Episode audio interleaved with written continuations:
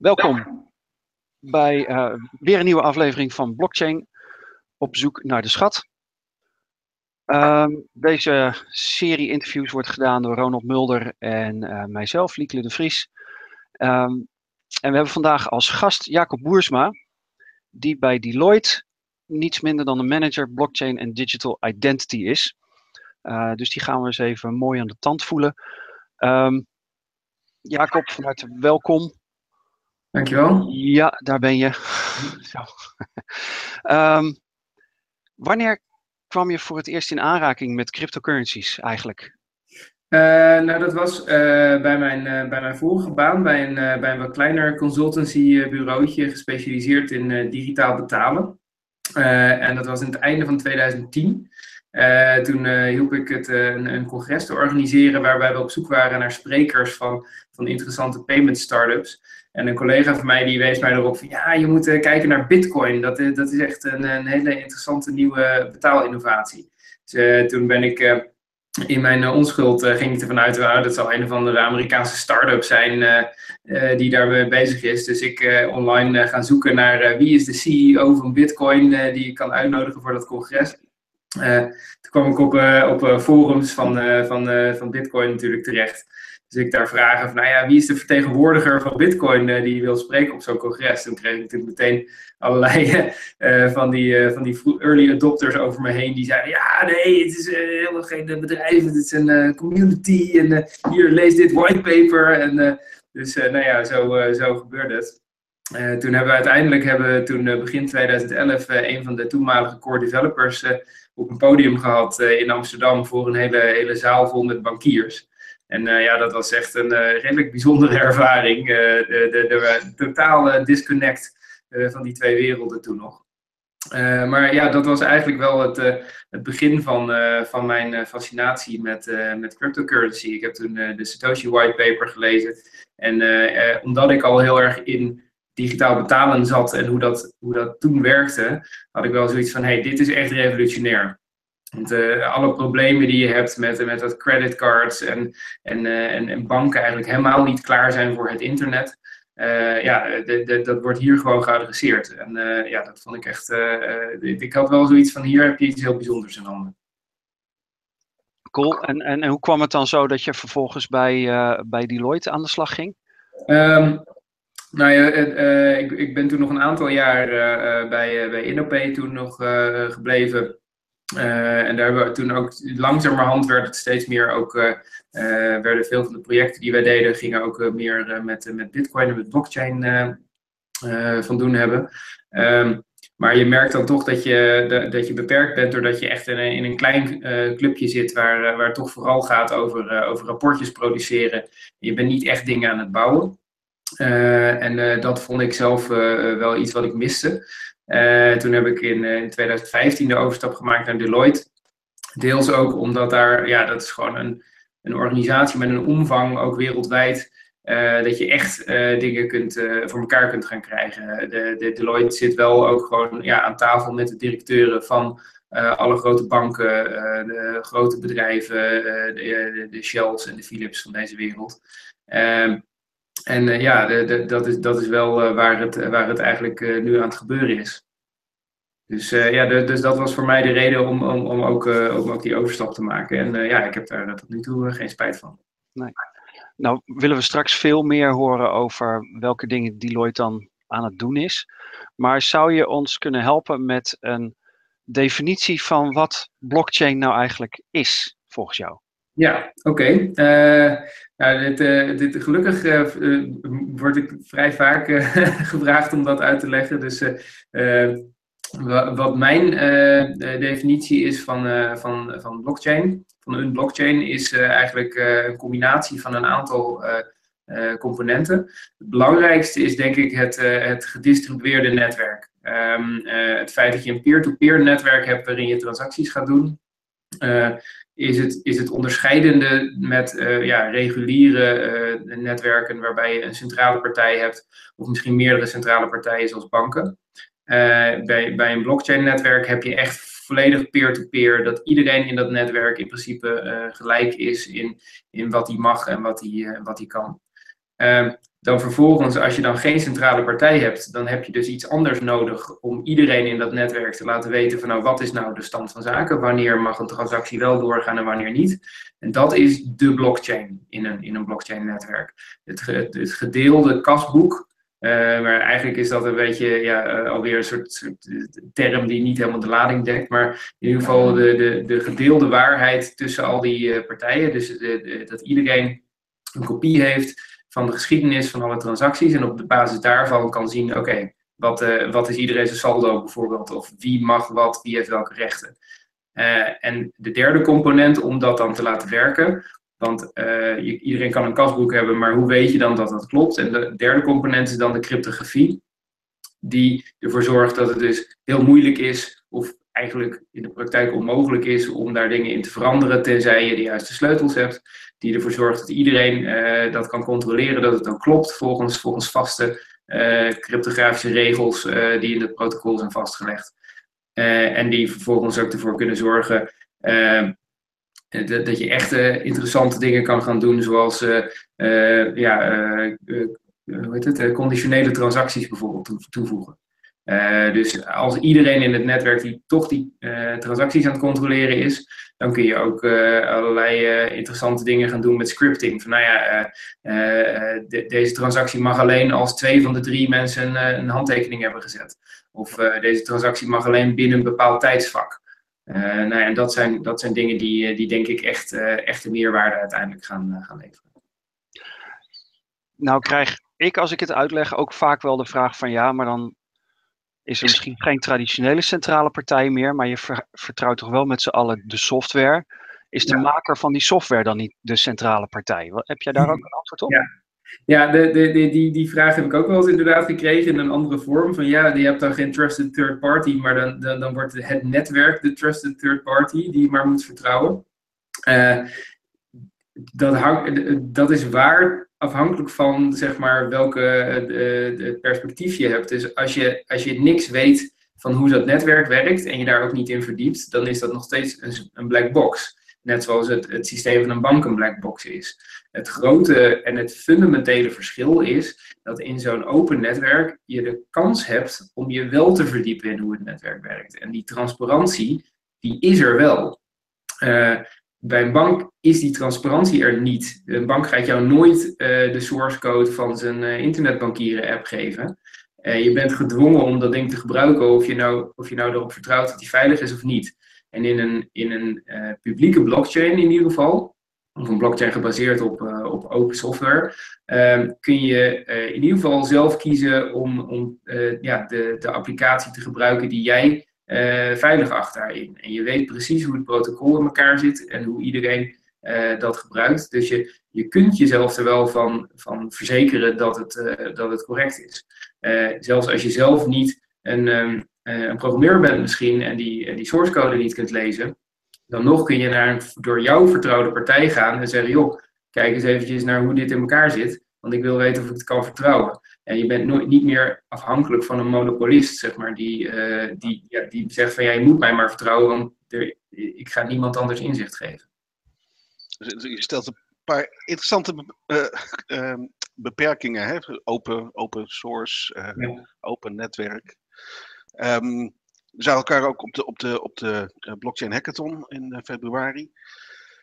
en dan zie je toch dat er twee werelden zijn ontstaan. Hè? De ene van de, van de, de cryptocurrency-enthousiasten, de, de, mhm. open beweging, en aan de andere kant mensen van hele grote ondernemingen, uh, die ook met blockchain bezig zijn, maar die in mijn ogen toch iets anders doen. Kan je daar iets over zeggen? Um, nou, je ziet wel uh, inderdaad, de, de, de, wat nu het grote spanningsveld is eigenlijk, is tussen uh, tussen uh, publieke netwerken en, en, en, private blockchains eigenlijk. En en de, er is nog een verschil tussen private blockchain die op zich wel gebaseerd is op open source technologie. en en iets wat natuurlijk helemaal ja, private wordt gehouden. Um, maar ik, ik denk eigenlijk, zelf geloof ik veel meer in, in een toekomst van, van publieke netwerken. en dat, dat heeft twee redenen. Ten eerste omdat het gaat om vertrouwen. Ehm, je wil hier vertrouwensdiensten opbouwen en je wil uiteindelijk dat dat vertrouwen uh, ja, door, door iedereen in dat netwerk gedeeld wordt. En ik denk dat de beste manier om dat te doen is door die transparantie te geven. Um, mensen gaan het, het, als, je het, als je het toch weer allemaal, allemaal black box en, en closed source houdt, dan, ja, dan de, wat heb je dan precies gewonnen? En de andere reden dat ik denk van, dat, het, dat zo'n private blockchain relatief weinig toevoegt, is ook gewoon puur vanuit een soort, soort logische redenering. Want uh, in zo'n private blockchain is het lekker veilig dat je alleen maar met, uh, met, met partijen die je toch al kent zaken aan het doen bent. Maar als dat een kleine groep partijen is, ja, die elkaar wel kennen, waarom gebruik je dan een blockchain? Waarom gebruik je dan niet gewoon op een, op een gedeelde server neer? Uh, en naarmate die groep groter wordt, kun je zeggen van ja, maar dan is het uh, dus voor synchronisatie uh, is het goed om dat wel op een blockchain te doen. Maar als de groep eenmaal heel groot wordt, dan, dan ken je elkaar eigenlijk niet meer. Dus dan is het eigenlijk het private karakter gaat ook een beetje verloren. Dus het is een soort van, er is niet een, een, een, een, logische, stabiele omvang van een, van een private blockchain. Dat gezegd hebbende, denk ik dat private blockchains wel hun plaats hebben als zeg maar uh, manier voor bedrijven om vertrouwd te raken met technologie. Um, en, en ja, dat, de, uh, heel veel wordt natuurlijk altijd gekeken van nou de, de ontwikkeling van blockchain lijkt op de ontwikkeling van internet. Uh, en dat is precies wat we bij internet ook hebben gezien. in de begintijden van internet wilden banken daar ook niet aan om, om elektronisch bankieren via internet te doen. Die hadden allemaal hun eigen inbelnetwerkjes. Want ja, ze vertrouwden gewoon het internet niet. En het, is, het, is gewoon, het heeft tijd nodig voor, uh, voor dat soort grote bedrijven met heel veel klanten en een, en een enorme reputatie om, om, om te verliezen uh, als het fout gaat. Die hebben tijd nodig om uh, vertrouwd te raken dat ze ook op zijn open netwerk toch veilig zaken kunnen doen. Dus, en dat is, dat is dan ook jouw antwoord aan de grote klanten die je ongetwijfeld dus hebt, die zeggen van nou, we zien dat nog even niet zitten. Dan zeg je tegen ze, nou, ga maar oefenen met een private blockchain. Ja, en, en in feite is dat natuurlijk, kijk, uh, je hebt daar natuurlijk heel veel uh, smaken in. Het, het, het, is niet heel zwart-wit of zo. Want alle tests die je opzet, alle pilots die je doet, die doe je ook op een lokale instantie van, van, een, van een blockchain. Dus die, doe je ook op je eigen lokale versie van Bitcoin of op een Ethereum lokale instantie. Ja, in, in zekere zin is dat natuurlijk ook een private blockchain. En dat is ook heel logisch. Niemand, niemand zal zeggen, ja, je moet je testversie uh, eens een keer uh, meteen op het open netwerk gooien. Dat, uh, dat is niet heel verstandig. Dus, dus als je het voor je test doet en, en daarna ga je het misschien inderdaad voor, voor een pilot situatie doen. En, en ehm, het zou wel kunnen dat je langere tijd toch ook een soort van private en, en public naast elkaar houdt. dat je toch binnen, binnen een besloten groepje dingen gaat uitwisselen. Uh, je ziet allemaal van die consortiums natuurlijk bijvoorbeeld in de verzekeringswereld die daar naar kijken. Um, en dat je daarnaast ook, uh, ook dingen op, de open, op het open netwerk doet, bijvoorbeeld met al je klanten. Uh, aangezien dat een zo grote groep al snel wordt dat het weinig zin heeft om dat, om dat private te gaan doen.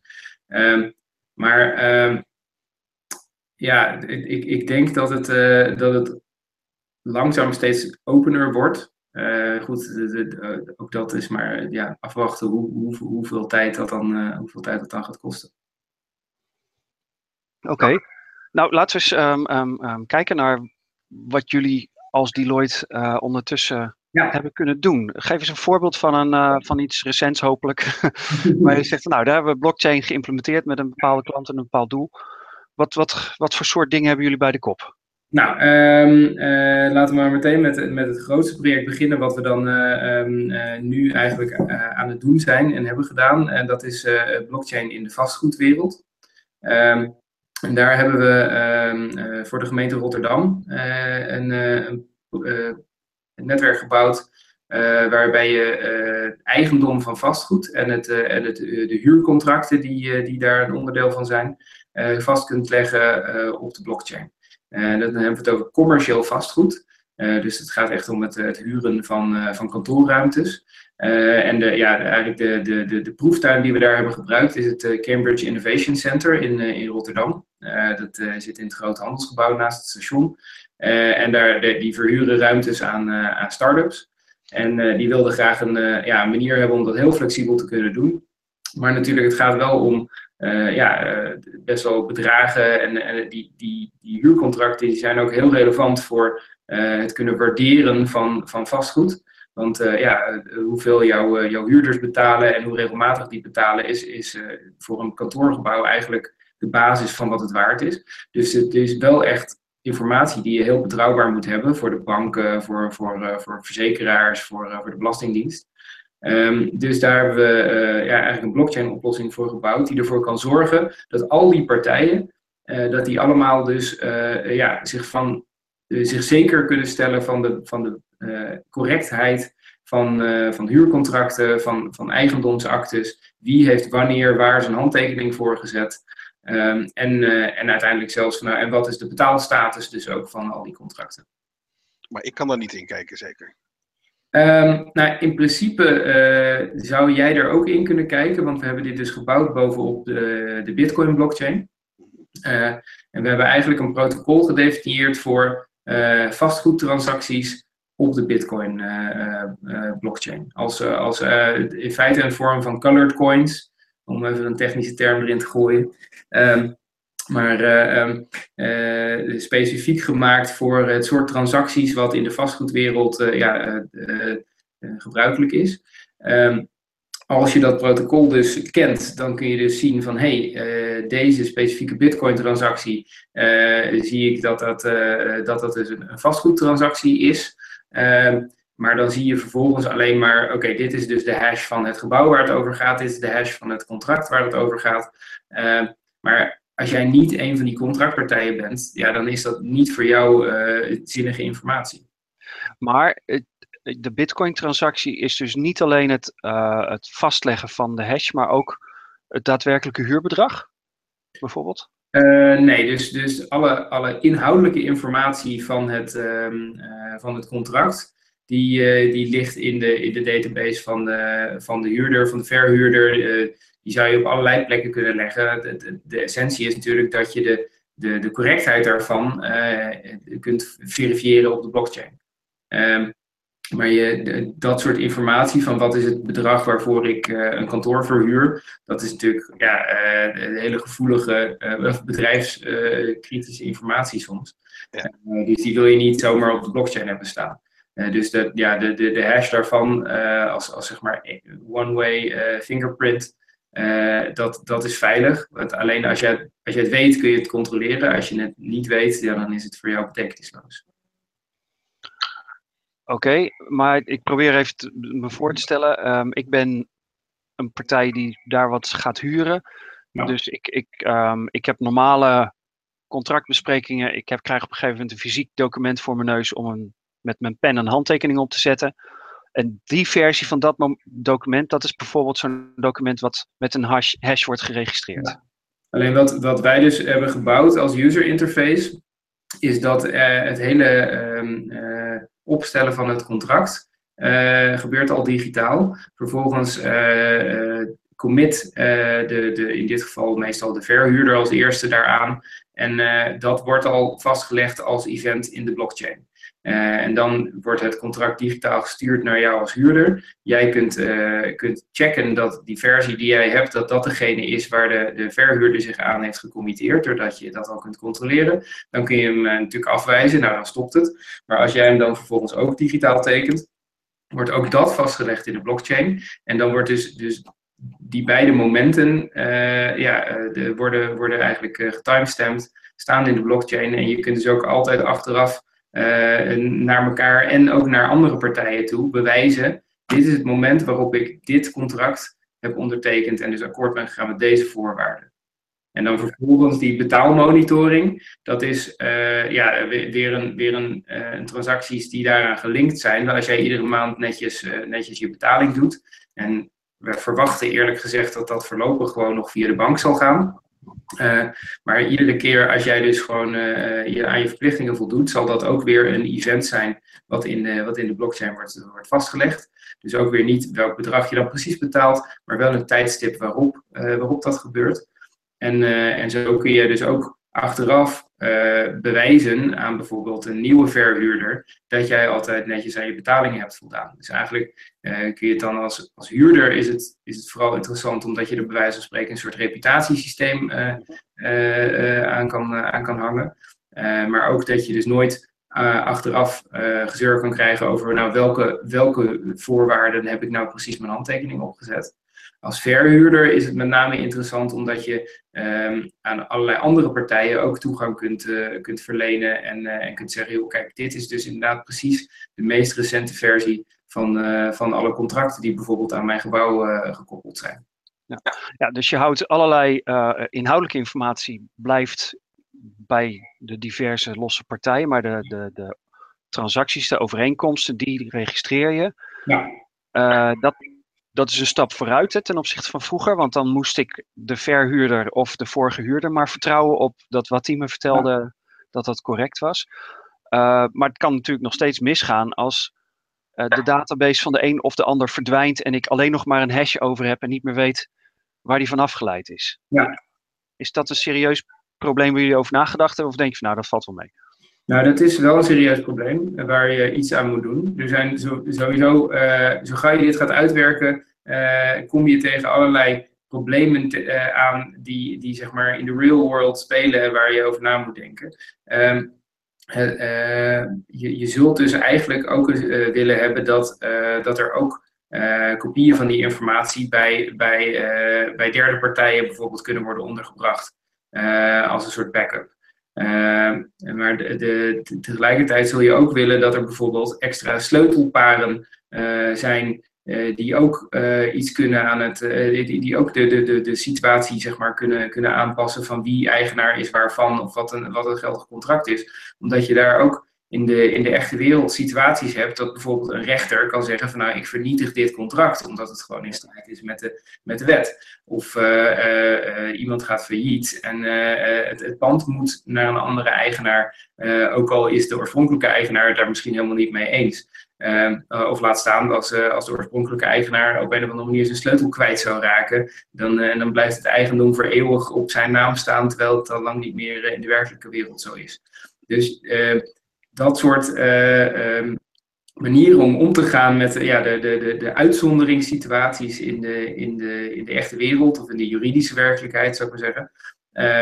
Dat is wel echt iets waar je ook rekening mee moet houden. En uh, het aardige van dit project vind ik zelf dat je juist door het te gaan doen al dat soort dingen tegenkomt. En, en, en uh, je kunt heel makkelijk theoretiseren over, nou, we gaan alles op de blockchain zetten en dan lossen we, lossen we daar alle problemen van de vastgoedwereld mee op. Maar pas als je het gaat doen en het gaat confronteren met, met echte vastgoedbeleggers, dan gaan die je pas vertellen, ja, maar ik, ik, ik, ik, moet wel dit en dit en dat ook nog kunnen.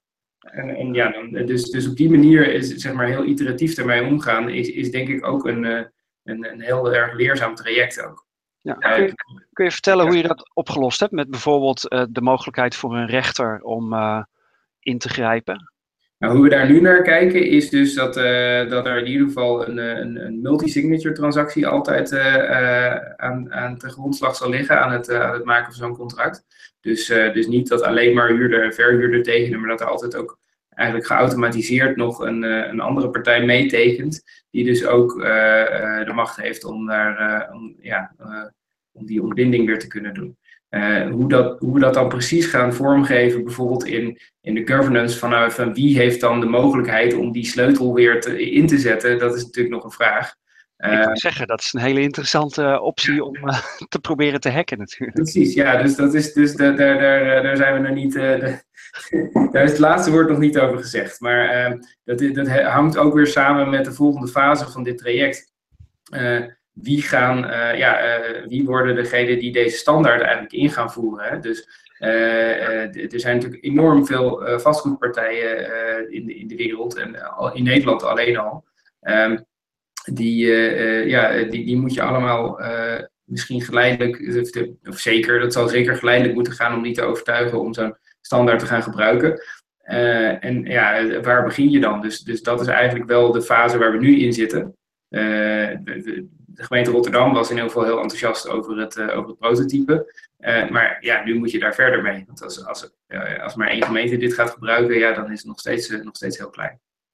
Hey, en, en als je dan zo'n optie ingebouwd hebt, hè, bijvoorbeeld voor een, een uh, rechter om in te grijpen, um, dan, dan moet je dat gaan beheren. Je moet dat veilig houden. Heb je dan niet opnieuw een derde partij gecreëerd? Die uh, macht ja. heeft? -hmm. nou, ik denk dat je sowieso uh, derde partijen zult gaan krijgen die, die, die, die ook ja, een, zou ik maar zeggen, een deel van de sleutels geeft. Uh, ja, die hebben dan ook macht om, om bepaalde dingen te doen. Het voordeel wat je hebt in zo'n systeem als dit, is dat je die macht ook weer kunt verdelen. Dus het is niet zo dat, dat er één partij is die, die dan de sleutel heeft en die die, die, die macht gewoon onbeperkt kan uitvoeren. Want ten eerste is het, is het nog steeds een transparant netwerk, dus je ziet wanneer die partij iets, iets gaat doen. Het, hij kan het sowieso niet stiekem doen. En ten tweede zou je denk ik altijd ervoor willen zorgen dat dat, dat dat niet in één hand allemaal terechtkomt. Waarbij, waarbij uh, iemand maar, waarbij er één persoon kwaadwillend hoeft te zijn om, het, om de hele boel te, te, verstieren, zeg maar. Dus je, je, je hebt de mogelijkheid om zo'n sleutel weer in stukjes op te knippen en te verdelen over verschillende partijen. En dat je zegt van nou ja, je hebt uh, drie van de vijf delen nodig om een transactie te kunnen doen. Het hoeft niet heel makkelijk te zijn hè, om zoiets te doen. Want laten we wel wezen, hopelijk is het iets, om, ehm, iets wat niet veel voorkomt, het, het van rechtswegen ontbinden van contracten. Dus het hoeft echt niet zo te zijn dat je maar met één druk op de knop dat heel makkelijk moet kunnen doen. Dus, dus het mag best wel wat, er mag best wel een drempel voor zijn. Zolang het Zolang het makkelijker is dan de huidige situatie. Okay. Maar ik krijg zo wel een mooie lijst met uh, nou, dingen die we met elkaar moeten regelen. Ja. Uh, ja. Um, hè, wil je een, een, nuttige dingen kunnen doen met ja. Een uh, publieke blockchain? Dat is wel mooi. Um, je zei een paar minuten terug nog iets vanuit gebruikersperspectief. Bouw je aan je reputatie. Um, je verzamelt bewijs over jezelf, als het ware. Is dat ook de link met dat andere deel van jouw titel, uh, Digital uh, Identity? Ja, ja, eigenlijk wel. Dus uh, ik, ik denk ook dat digital identity in al zijn vormen best wel veel raakvlakken heeft met, met blockchain technologie.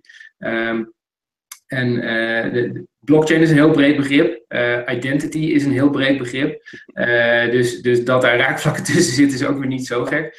Maar wat je dus ziet, ik heb in het verleden veel gedaan, bijvoorbeeld bij de overheid, met, met e-herkenning, met, met, met Idensis, een beetje met, met DigiD.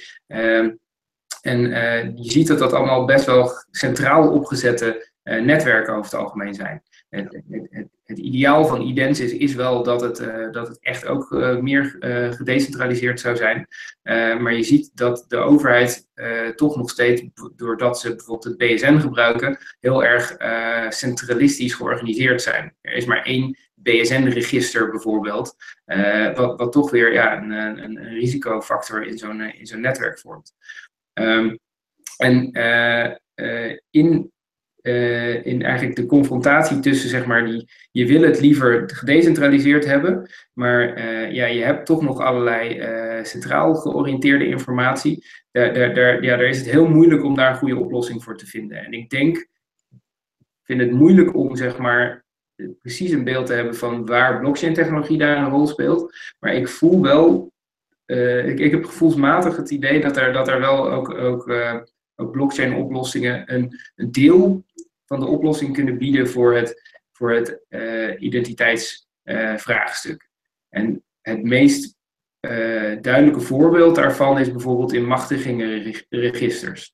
Um, dus een van, de, een van de lastig op te lossen vraagstukken in identity is van, nou, oké, misschien kan ik wel makkelijk bewijzen wie ik ben, maar um, vaak, heel vaak doe ik iets namens iemand anders. Uh, al is het maar dat ik namens mijn werkgever iets, iets doe.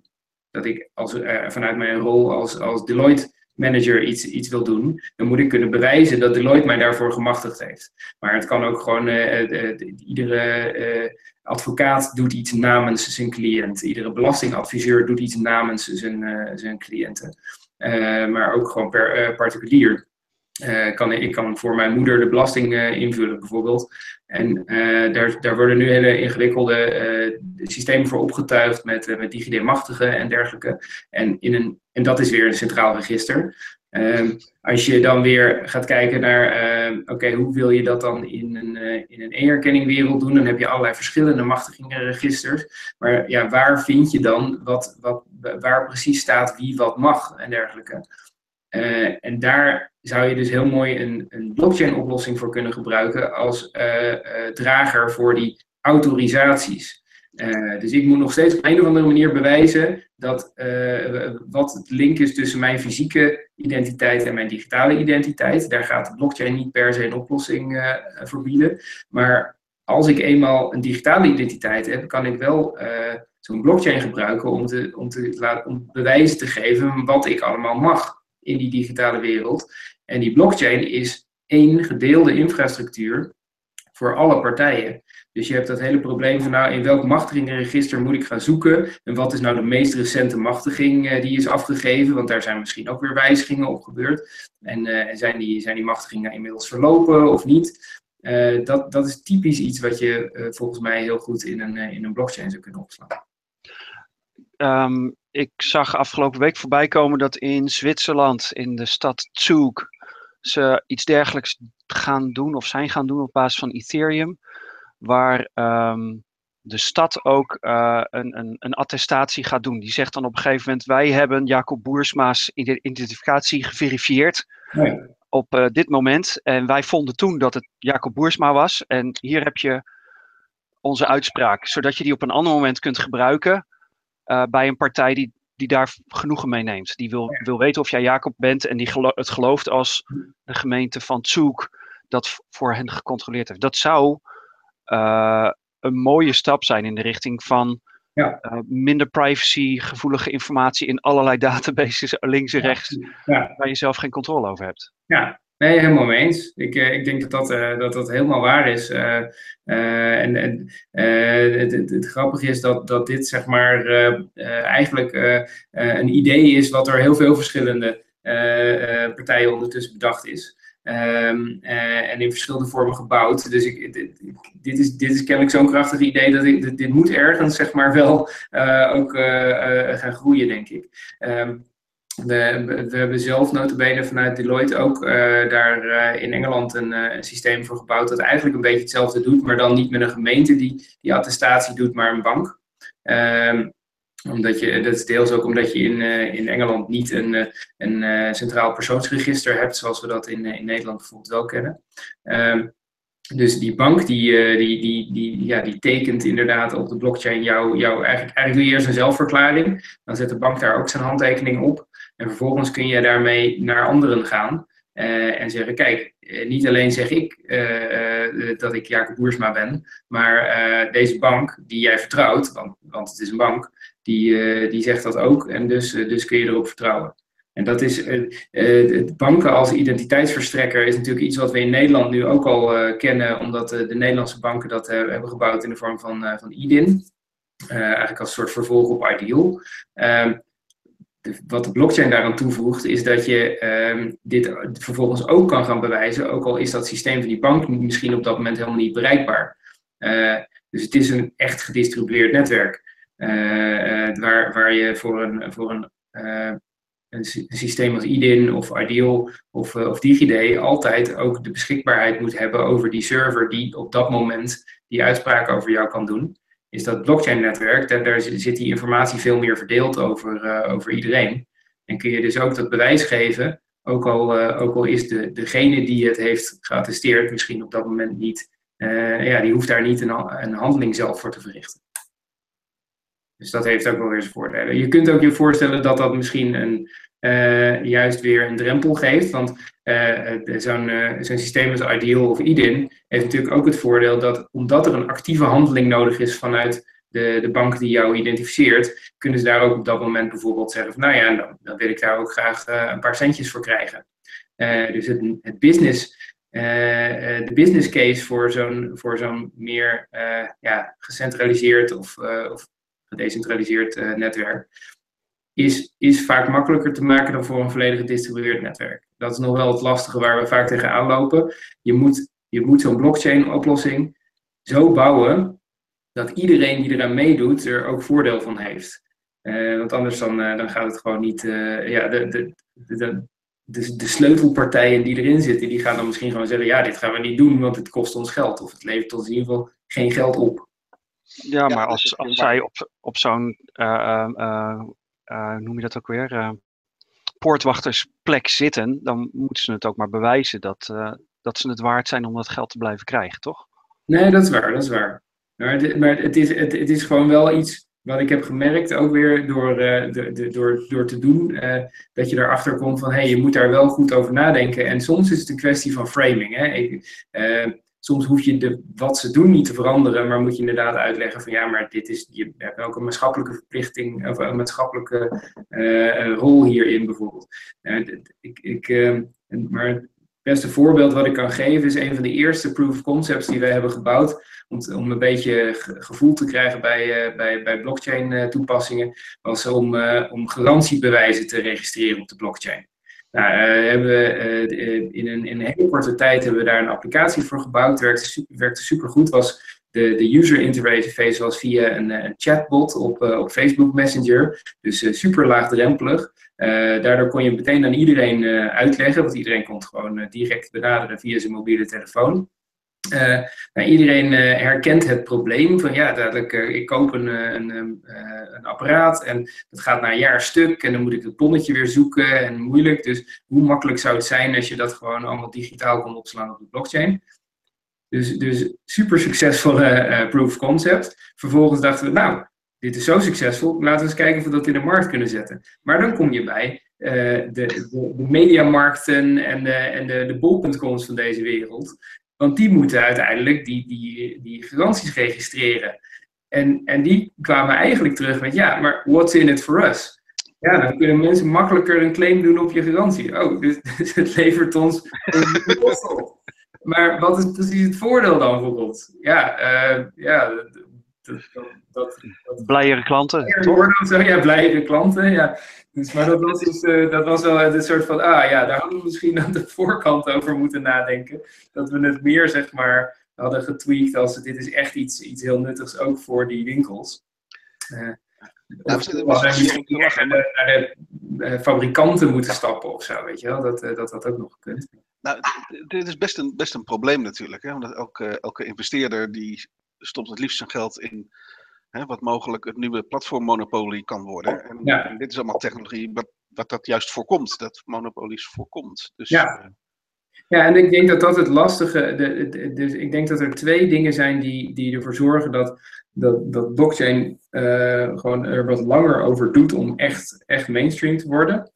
En ik denk dat dat de, de ene is dat het echt hele fundamentele technologie is. En dat het dus ook heel moeilijk is voor mensen om echt te begrijpen wat het doet.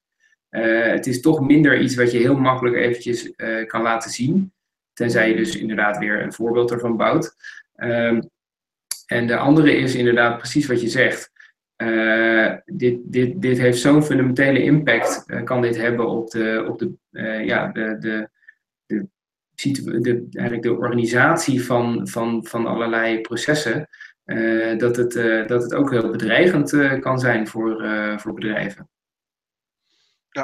en moeilijk om een business case te maken. Uh, wel wel een, een soort van maatschappelijke business case. Ja, eh, maar iedere individuele partij heeft er misschien in eerste instantie een nadeel van. Zeker, zeker om als eerste erin te stappen. Uh, dat zie je ook bijvoorbeeld, uh, ook weer zo'n goed voorbeeld, gezondheidszorg. heeft ook weer allerlei enorme issues met, met veilige identiteit en, en, en privacy en vertrouwelijkheid. Um, ook daar hebben we gekeken naar blockchain toepassingen. Ehm, en ook daar kun je hele succesvolle proof of concepts bouwen. Maar zo gauw je zegt van oké, zullen we dit nou eens in de praktijk gaan brengen? Dan, dan zeggen, zeggen ziekenhuizen en, en zorgverzekeraars zeggen nou, zullen wij maar niet de eerste zijn die dit gaan doen. Want ja, stel je voor dat er nog bugs in zitten en ja, dan, dan hebben we meteen een privacy-lek lek aan onze broek hangen. Dus we wachten wel tot de banken dit verder hebben uitgewerkt, bijvoorbeeld. Of we wachten wel tot dit gewoon verder meer off the shelf beschikbaar is. En zo zie je dat plekken waar je, waar je eigenlijk ziet van hey, hier gebeuren dingen nog heel inefficiënt, hier kan, hier kan zo'n technologie echt heel veel verbeteren, dat dat soms ook plekken zijn, die, er is een reden waarom die uh, nog zo behoudend zijn met, eh, om, en, en, en weinig innoverend, omdat ze ook gewoon heel veel wet en regelgeving eromheen hebben, heel veel toezichthouders die er heel scherp op kijken. Uh, en ja, dan gaat het gewoon wat, wat langzamer toch. Ja. Zijn er um, gebieden waar je denkt, nou dat is nog echt onontgonnen terrein. Want ik ben het met je eens, er is heel veel in onze maatschappij best wel dichtgetimmerd. Uh, dus daar gaat het dan niet zo snel. Maar ja, de, de echte innovaties zitten vaak in de hoek waar je het niet verwacht. Ja. Hè, op een gegeven moment had de HEMA ook in één keer testamenten. Um, daar zat, dat, had niemand op gerekend, denk ik. Kun je je voorstellen dat er hoekjes zijn van onze samenleving waar mensen wel transacties doen en het nooit uit kon om dat heel formeel aan te pakken waar een blockchain oplossing kan helpen? Of maak ik het nou te ingewikkeld? Uh, nee, ik denk dat die er wel zijn. Ik denk, ja, de, als, ik, als ik precies wist uh, wat, wat die hoekjes waren, dan uh, had, ik, had ik daar misschien al een, een start-up opgericht, zeg maar. Dus ehm, nee, maar zonder gekkigheid, ik denk dat er, dat er, als je kijkt naar waar, waar ik denk dat in Nederland op korte termijn interessante toepassingen zijn, dan zit het uh, denk ik echt op, uh, op het gebied van dingen als audits en, en het kunnen bewijzen aan, aan, uh, aan allerlei vormen van toezichthouders van, van waar, je, waar je mee bezig bent geweest. En als je daar een, een goede blockchain oplossing voor kan maken, dan heeft dat echt heel veel meerwaarde boven de huidige manier van, van werken, dat nog heel erg op papier is. En soms echt op een uh, op een ouder, van een ouderwetsheid uh, is dat je echt niet meer verwacht dat het nog bestaat. Maar dat is dus, uh, dat vind ik ook wel weer mooi van bij zo'n grote organisatie als Deloitte werken, die ook voor een heel groot deel een accountantsorganisatie is. Als ik dan praat met, met, met, met, met junior auditors bij ons, die gewoon echt een deel van hun werk is, is bij bedrijven gewoon in, in voorraad uh, gaan tellen van hoeveel apparaten er ergens staan. Je? Dat je denkt van, hoe kan dit nog uh, nodig zijn? Maar kennelijk, is dat dus zo. Uh, het controleren van die boeken is, is gewoon voor een deel echt nog inderdaad gewoon heel fysiek. en, en ik denk dat daar heel veel winst te behalen valt. En als je, als je het, dan vanuit daar kun je het langzaam verder gaan opbouwen uh, en, en, en als je die vertrouwenscomponent zeg maar, ja, digitaal kan maken, dan denk ik dat je, dat je een hele grote basis hebt om verder op te bouwen. Uh, maar dat, dat begint heel simpel. Dat heeft dus niks, dat heeft puur met zeg maar, het, het zekerstellen van bepaalde getallen in, op bepaalde momenten in de tijd te maken. En, uh, en het, daar heb je echt niet allerlei ingewikkelde smart contracts en dergelijke voor nodig. Nee, dan des te beter. Um, en dat is iets waar je precies op de goede plek zit natuurlijk, omdat uh, ja. Ja, precies. Dus, uh, dus, en dat is ook iets waar, uh, waar, waar we nu heel erg mee bezig zijn, om daar ook de, de mensen bij, uh, bij audit, onze mensen van, van tax en legal bijvoorbeeld, die hebben we al helemaal opgeleid hierin. En daar krijgen we ook steeds meer vragen, ook, ook van startups. Ook, je ziet gewoon dat die wereld volwassener wordt. Je ziet dat er steeds meer bitcoin en, en, blockchain startups zijn die zoiets hebben van, nou, goh, we hebben, we hebben tot nu toe allemaal een beetje uh, leuk, uh, leuk ermee zitten spelen, zeg maar, en best wel leuk geld mee verdiend. Maar de stap naar volwassenheid uh, ja, houdt ook in dat je, dat je daar eens een keer met een, met een grote accountant over wil gaan praten. En ja, voor mijn belang is daar weer dat ik wil zorgen dat, dat de accountants waar ze dan mee in, aanraking komen bij Deloitte, dat die ook weten wat, waar het over gaat. En, uh, niet zeggen van, nou ja, dit soort, hier hebben we nog nooit van gehoord, blockchain, uh, nou, ga maar weg.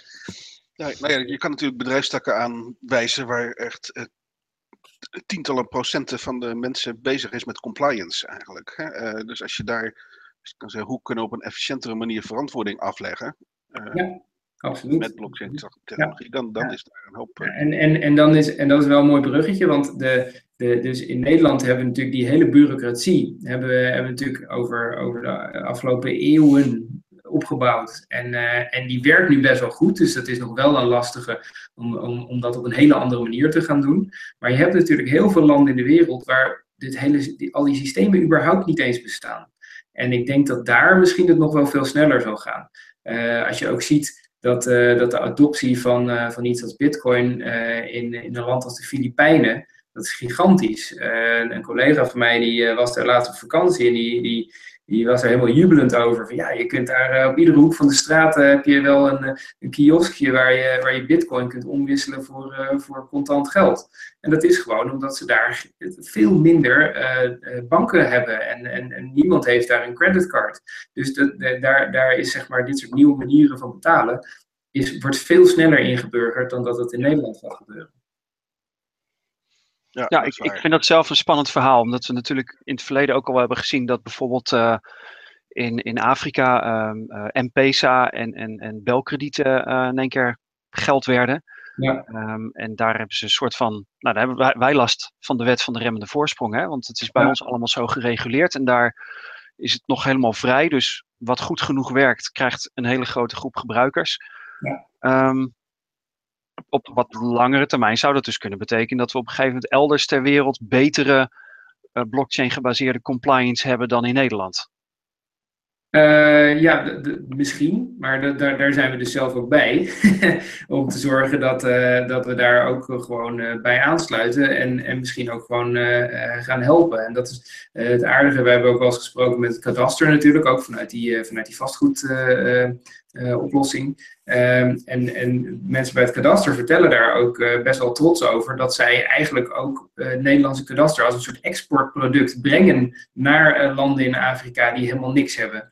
Uh, en, en dat gaat helemaal niet over technologie, maar puur over hoe zet je nou zo'n zo'n organisatie op? Hoe zet je, hoe, wat, wat, voor processen heb je nou binnen zo'n binnen zo'n organisatie? En uh, als je daar, daar denk ik dat je hele mooie soort van uh, synergie zou kunnen bereiken. Dat je dus dit soort technologie, die echt bedoeld is voor, om, om, om ja, distributed trust te, te, te, te creëren, als je die aansluit op wat we al aan kennis hebben over, uh, over de regelgeving, over, over hoe je dit soort processen ook, uh, ook betrouwbaar opzet, dan denk ik dat je een hele mooie, mooie combinatie kunt creëren. Ik denk het ook. Ik zit nog te twijfelen, maar ik ga toch één laatste vraag stellen, met risico dat het een lang antwoord krijgt. Um, we hebben het nog niet heel erg uitgebreid gehad over um, FAT protocols en over tokens uh, of mm. over ICO's, Initial Coin Offerings. Um, maar daar lees je wel heel veel over op dit moment. Zijn allerlei partijen zeggen, nou, we hebben voor dat specifieke probleem hebben we een idee van hoe we het kunnen gaan oplossen. En dat doen we met een nieuwe crypto-munt ja. of een token. Um, nou, dat explodeert. Daar wordt ook al flink op gemopperd. Er zijn ook heel veel mensen die waarschuwen. Denk erom, dat is toch een soort van aandelenuitgifte. En voor je het weet uh, neem je daar onverantwoorde risico's.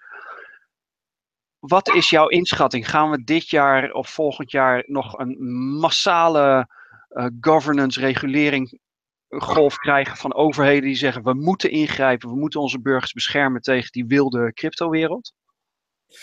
Ja, dat, uh, dat, dat, vind ik lastig in te schatten. Ik, uh, je ziet dat in Nederland ook de AFM heeft, al, heeft gewaarschuwd dat het een bubbel, uh, bubbel te worden. Je ziet dat, dat in Amerika ook de, de, de toezichthouder er echt wel, wel bovenop zit.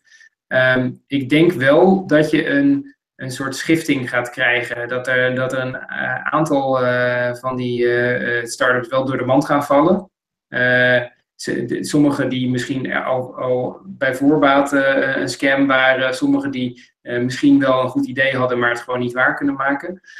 Um, en dat je, ja, ik, ik denk wel dat je daar een, iets zal gaan zien dat er een verschil komt tussen degenen die het echt professioneel hebben aangepakt. En ook gewoon hebben gezorgd dat ze ook wel netjes volgens de regels hebben gewerkt. Ook al zijn die regels misschien niet op dit moment verplicht. Uh, je, je weet dat je, dat je gewoon due diligence kunt gaan doen. Het, het, feit dat, het, dat er geen regelgeving omheen is, uh, ja, ontslaat je niet van de verplichting om wel gewoon netjes, netjes om te gaan met, met ja, je, je klanten in dit geval. Um, dus ik denk, uh, en, en ja, het, dat is een beetje vergelijkbaar ook met wat je ziet uh, aan ontwikkelingen in bijvoorbeeld de, de, de Bitcoin-bedrijven in Nederland en, en start-ups in Nederland, zoals een B-Landlord en dergelijke. die, die op zich wel gewoon begonnen zijn. Zo van ja, we er zijn geen regels, maar we gaan toch maar aan de slag. dan de, de aandacht krijgen van, van, de, van de toezichthouder, maar wel gewoon een goed verhaal hebben naar die toezichthouder toe. Um, en je gaat er een crash komen. Nou, dat, dat zou zomaar kunnen. En dat natuurlijk, het nadeel daarvan is dat daar de goede ook onder zullen, zullen leiden. Maar ik denk wel dat dat uh, ja, een soort shake-out gaat geven. Dat je wel meer het verschil zal gaan zien tussen, tussen de echte uh, uh, succesvolle, niet alleen ideeën, maar ook implementaties. En, de, en degene die ja, toch vooral een beetje op zoek waren naar het snelle geld. En, dat is wel ook, ik, ik krijg natuurlijk ook eh, regelmatig vanuit allerlei kanten mensen de vraag: ja, moeten wij ook niet een ICO gaan doen? Maar ja, je, je moet daar wel ook gewoon jezelf in de, in de ogen uh, kunnen blijven kijken van, uh, ja, is, dit, is mijn idee nou wel echt iets waar, een, waar ik een ICO voor nodig heb om dit te laten, laten vliegen? Of, of ben ik er gewoon een, een, een crypto munt aan aan het koppelen alleen maar omdat dat nu de hype is om snel geld te verdienen? Als dat laatste het geval is, dan denk ik dat je het toch echt niet moet gaan doen. Gewoon omdat je op de langere termijn ook gewoon je reputatie daar, eh, daarmee te grabbel gooit. Nou ja, daar kan ik het alleen maar mee eens zijn. Laten we hopen dat uh, mensen zich ook zo gedragen. Ja, nou ja, goed. Kijk, ik, ik kan mensen ook niet kwalijk nemen dat ze proberen snel geld te verdienen. dat is, uh, ja, er, er, zijn toch uh, een hoop mensen die, voor wie dat een heel aantrekkelijk iets is natuurlijk. Ja. Ja, en er is, er is wel een, een markt voor. Hè? Er zijn gewoon veel mensen die nu nou, niks aan hun spaargeld hebben, want dat levert geen rente op. En wel hopen ergens geld te verdienen, horen over cryptocurrencies en dan denk ik van, oh, dat is misschien wel een goede manier om uh, dat rendement een beetje op te krikken, zonder dat ze weten of iets wel of niet Juist. Ja. legitiem kan zijn. Dus dat, dat is kwetsbaar op dit moment. Zeker, zeker. En je, de, de, belangrijkste tip die je, die je die ik daar iedereen kan geven, is informeer jezelf goed. Want ook daar weer geldt, die transparantie is er gewoon. Dus uh, er zijn gewoon bloggers die gewoon hele goede analyses maken van die ICO's, die die whitepapers helemaal goed lezen en ze, en ze echt gaan proberen te doorgronden en daar, daar stukken over schrijven van joh, uh, dit ziet eruit alsof het, uh, alsof het helemaal niet klopt. Want, want hier houdt een bedrijf helemaal centrale controle, terwijl het eigenlijk een gedistribueerd systeem zou moeten zijn. Nou, dat soort waarschuwingssignalen, die kun je gewoon vinden eh, eh, online. En eh, dat, dat, ja, informeer jezelf voordat je ergens inspringt met, met al je spaargeld. denk ik, is de belangrijkste tip. Dat lijkt een hele mooie om hierbij af te sluiten. Dank voor je tijd, Jacob. Ik ga de, de afsluitscène spelen. Um, je keek naar blockchain op zoek naar de schat. Ik moet dat even zo doen. Ja. Um, Ronald Mulder en Liekele de Vries uh, zijn op zoek naar wat blockchain is, uh, wat je ermee kan en waarom het zo belangrijk wordt gevonden door allerlei mensen. Jacob Boersma was onze gast deze keer. Uh, je gaat alles terugvinden op onze site, en op YouTube. En mocht jij nou toevallig op Facebook zitten, daar zit Ronald en ik niet. Dus deel dit videootje daar dan ook alsjeblieft. Um, dank voor je aandacht en tot de volgende keer. Nou, ik stop nu de uitzending.